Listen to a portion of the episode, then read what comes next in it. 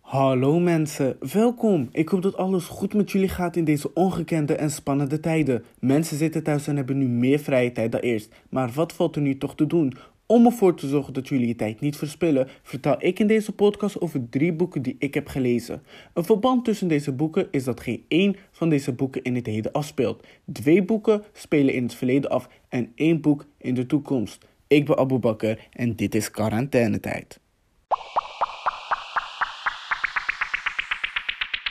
Het eerste boek waar ik het over wil hebben is Twee Vrouwen, geschreven door Harry Mulisch. De reden dat ik dit boek gelezen heb, is dat ik dit boek eens zag in de mediatheek van mijn school. De flaptekst sprak mij direct aan. Twee vrouwen, één ex-man, dat betekent dus ook drama. Het thema van het boek is homoseksualiteit. De liefde tussen de twee vrouwen in het boek, Laura en Sylvia, staan centraal. Dit thema is heel bijzonder, omdat dit boek 45 jaar geleden geschreven is. Men had dus een andere kijk op homoseksualiteit dan anno 2020. Homofilie komt dan ook zeker voor in het boek. Hoewel het boek dus in 1975 geschreven is, is het taalgebruik in het boek uitermate modern. Er worden geen moeilijke begrippen of oude woorden gebruikt. Moeilijk schrijft niet al te lange zinnen, maar schrijft toch erg gedetailleerd, waardoor het boek zich als een film in je hoofd afspeelt. Ik raad het boek zeker aan. Het is geen langdradig verhaal en kent geen spannende momenten. Tuurlijk wel, het kent veel spannende momenten. Overigens is dit geen dik boek, waardoor je er snel doorheen leest. Het tweede boek heet Een Schitterend Gebrek van Arthur Japin. Ik heb dit boek gelezen omdat het over tienerliefde ging. Het boek is een echte tienerserie dat zo door Netflix gemaakt kan worden.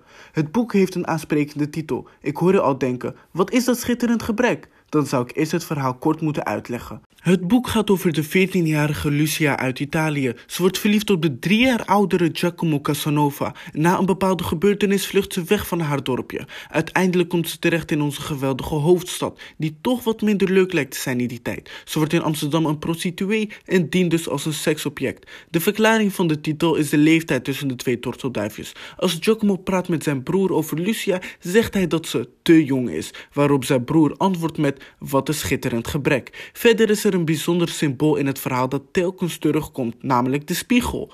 Lucia's ouders hebben elkaar ontmoet via de spiegels. Haar grootvader was een spiegelontwerper en Lucia zelf durft niet in de spiegel te kijken vanwege de gebeurtenis die ik niet ga spoilen. Tot slot heeft ze altijd een spiegeltje bij zich dat haar opa voor haar maakte en zal ze later in het boek een inzicht creëren.